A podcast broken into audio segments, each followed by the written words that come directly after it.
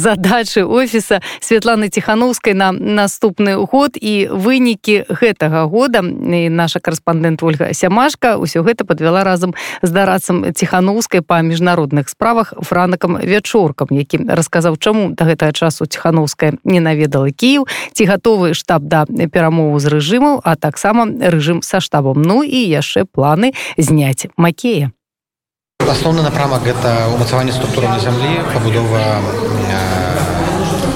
камунікацыі забеспячэння бяспекай журналістаў грамадзянскіх журналістаў нам вельмі шмат людзей дасылаюць рэгіёнаў інфармацыю пра карупцыю пра збядненне і так далей але мы не можемм гартаваць ніякую бяспеку каналы камунікацыі мы зараз фокусуемся на гэтым запуск новых медыйных інструментаў гэта і нстаграм гэта ці хто гэта youtube. І ўсё тое што дае людзям адчування пляча разумення што адбываецца ў краіне расследаванне і коррупции, расследование злочинства режима и притянение до отказности виноватых. Спадзяемся, што ў гэтым годзе пачнецца расследаванне па злачынствах супраць э, чалавечнасці, катаванне на акрэсціна, угон самалёта. Мы спадзяемся, што ўжо да траўмы. У лютым збіраецца і каў. У лютым скавіку Польшчы мы спадзяемся падасць скарб. Па ціску ну, тут вельмі важна закрыць дзеркі ў санкцыях, таму што санкцыі ўжо працуюць, яны ўжо моцныя але просто реальны эфект мы адчуем толькі ну, люты красавік по ацэнках і тут вельмі важна каб гэту ты ціск эту разіданасць внутры эліт да чаго прынцыпе санкцыі вядуць каб его скарыстаць на нашу карысць мы так і не выпрацавалі все яшчэ механізмы пераходу чыноўнікаў на наш бок. Ёсць механізм нау ёсць платформа дыялог чесныя людзі працуюць але ўсё роўно вот калі спытаешься чалавека сілавіка супрацоўніка міністэрства ці ведае як далучыцца да нас ніхто не ведае і я думаю что это вось наша недапрацоўка что столькі ўсяго будзе існуе і робіцца але людзі на зямлі просто про гэта не даведваюцца ну і э, дыпламатычна я думаю что мы ў гэтым годзе дабіліся гігантска прары спрабуем зняць макея і ўсіх там хто яму спрыяе і тут э, важна каб міжнародная супольнасць трымалася сістэмнай пазіцыі. Я думаю, што калі пачнецца новая хваля, пратэсту здыму натхнення яна хутчэй усё будзе звязаная з нейкім расколам унутры сістэмы бо ўсё да гэтага індзе я не ведаю як наши гледачы слухачы бачыць адчуваюць. Але ў мяне ёсць вялікае спадзяванне і прыемнае адчуванне што там ўсё вельмі кепска. І ўсе гэтыя рэпрэсіі жахі які мы чуем бачым гэта не добра жыцця Савана сказала што он не можа паехаць ва ўкраіну чым там чаму гэтага візіту не мы падтрымліваем сувязь з дэпутатамі і слугі народа і голаса і партыі парашэнкі падтрымліваем кантакты з МЗС.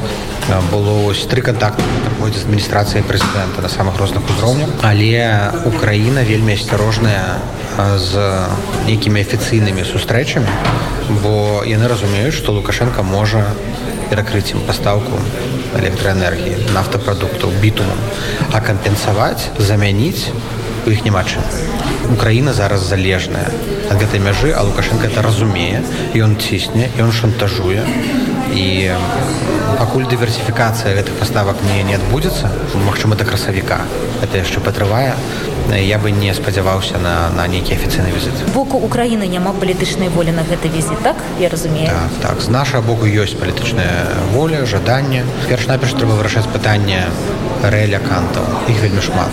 Мы зараз ацэньваем вельмі так груба што за апошні год каля 20 тысяч больш выехала ў літву каля 200 тысяч у польшу каля 150 тысяч в украіну это гіганцкія лічбы без сістэмнага нейкага падыходу без працы без супрацы з украінскай дзяржавай мы не можем нормально дапамагчы і яшчэ одно пытанне пра тое што зараз у байнеце мы стрымам стала абмяркоўваць дыалог з лукашэнкам. Такая пазіцыя штаба скажем так офіса ціхановскай Таму што раней вы выступалі за гэты дыалог і нават там канкрэтныя даты называлі. Вось па тых выраках якія былі вынесены ціхановскаму і астатнім вы все ж таки падтрымліваеце гэтую ідэю дыалогу праблема не ў дыалогу а ў тым дыалог паміж кім.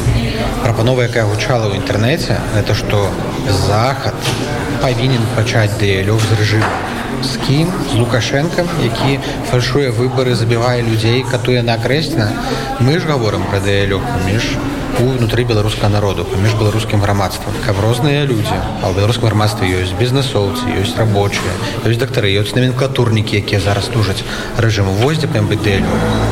Выхаду няма нам все роўно трэба будзе падчас транзітнага перыяду. І ў падрыхтоўцы да выбараў гэта дыялёг весці.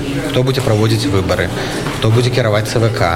Як мы забяспечым што падчас гэта транзітнага перыяду эканоміка будзе функцыянаваць дыялёг будзе ля дыялёг павін быць унутры беларусі а не так што брусель размаўляе з лукашэнкам а беларуска народу нібы не існуе мы павінны быць за сталом а не на стале офіс ціхановскай з лукашэнкам не будзе весці перамову з лукашэнкам перамову нам няма пра што размаўляць з яго каманд команды ці з яго прадстаўнікамі ну з прадстаўнікамі э, дзяржавы рэжыму тых хто зараз у номенклатуры пэўны момант размаўляецца давядзецца. Але гэта будзе толькі пасля таго як будуць вызваленыя людзі з беларускага боку таких сігналаў за гэты год не паступала? У гэтым годзе было два моманты калі палітвязні маглі быць вызвалены гэта было весну это было улетку і паступалі сігналы пра гатоўнасць у розных канфігурацыях. Тады мы выразна акцэнтавалі што вызваленне павінна быць не проста пад хатні арышт а это павінна быць поўнае вызваленне з рэабілітацыі і не павінна быць ніякага гандлю працэс нейкі вёўся але ён не дайшоў до конца. Прозвішча называліся?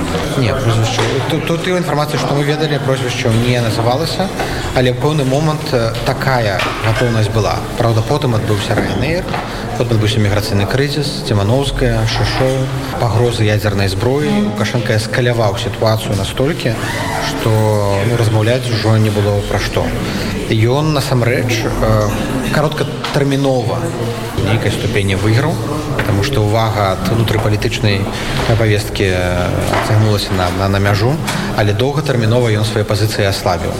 І калі раней яшчэ год таму назад он мог спадзявацца на нейкую нармалізацыю аля 2011 год зараз яго не ўспрымае ніхто.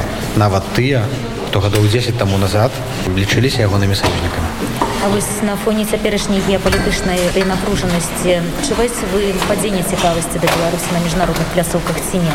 Любая цікавасць любая ўвага на ідзе хвалямі гэта не канстанта сёння адбываецца нешта беларусі ёсць цікавасць да беларусі. Под адбываецца нагорны карабах.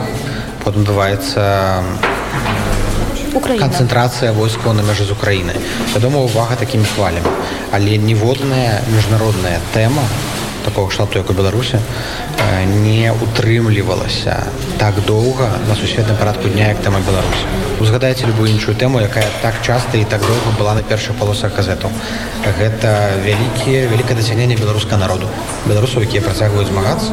Вядома дапамагае лукашенко ён найбольш напэўна спрыяе спрыяе нашай рэвалюцыі каб яна перамагла але я думаю что з увагай міжнароднай нас все добра. Наша здача на 22 год это увагу солідарнасць і падтрымку канвертаваць у канкрэтныя дзень ну яшчэ ладзістаў перамагчы тому что нават вось вы у літве знаходзіцеся і тая пазіцыя з Беларусь калем тая сітуацыя показвае што нават і тут не ўдалося дабіцца поспехаў. Ну гэта того что нам усім хочется каб все было хутка адразу. Перамога наступила за два дні. і адбыліся выбары і пашоў рэжым навечна але на жаль не ўсё не ўсё бывае проста і нават каб там прыняць санкцыі патрабуецца вялізная праца патрабуецца кансенсус 27 краінаў яны ўзганяюць кожнае прозвішча кожную назву. Каб потым у судах гэтыя алігархі не маглі даказаць адваротна. Таму гэта ўсё працэс але ну, запэўніваю што мы робім все што можна. Тое чого нам удалося зрабіць усім беларусам это нешта не неймавернае. Я думаю што весь ты свет бачыць все вядома нам нас пачуваюць але і падтрымліваюць А я нагадаю, што гэта было інтэрв'ю з дарадцам офіса Святланы Ціхановскай франакам вячоркам.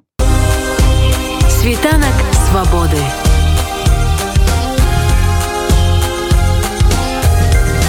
Світ вольнасці.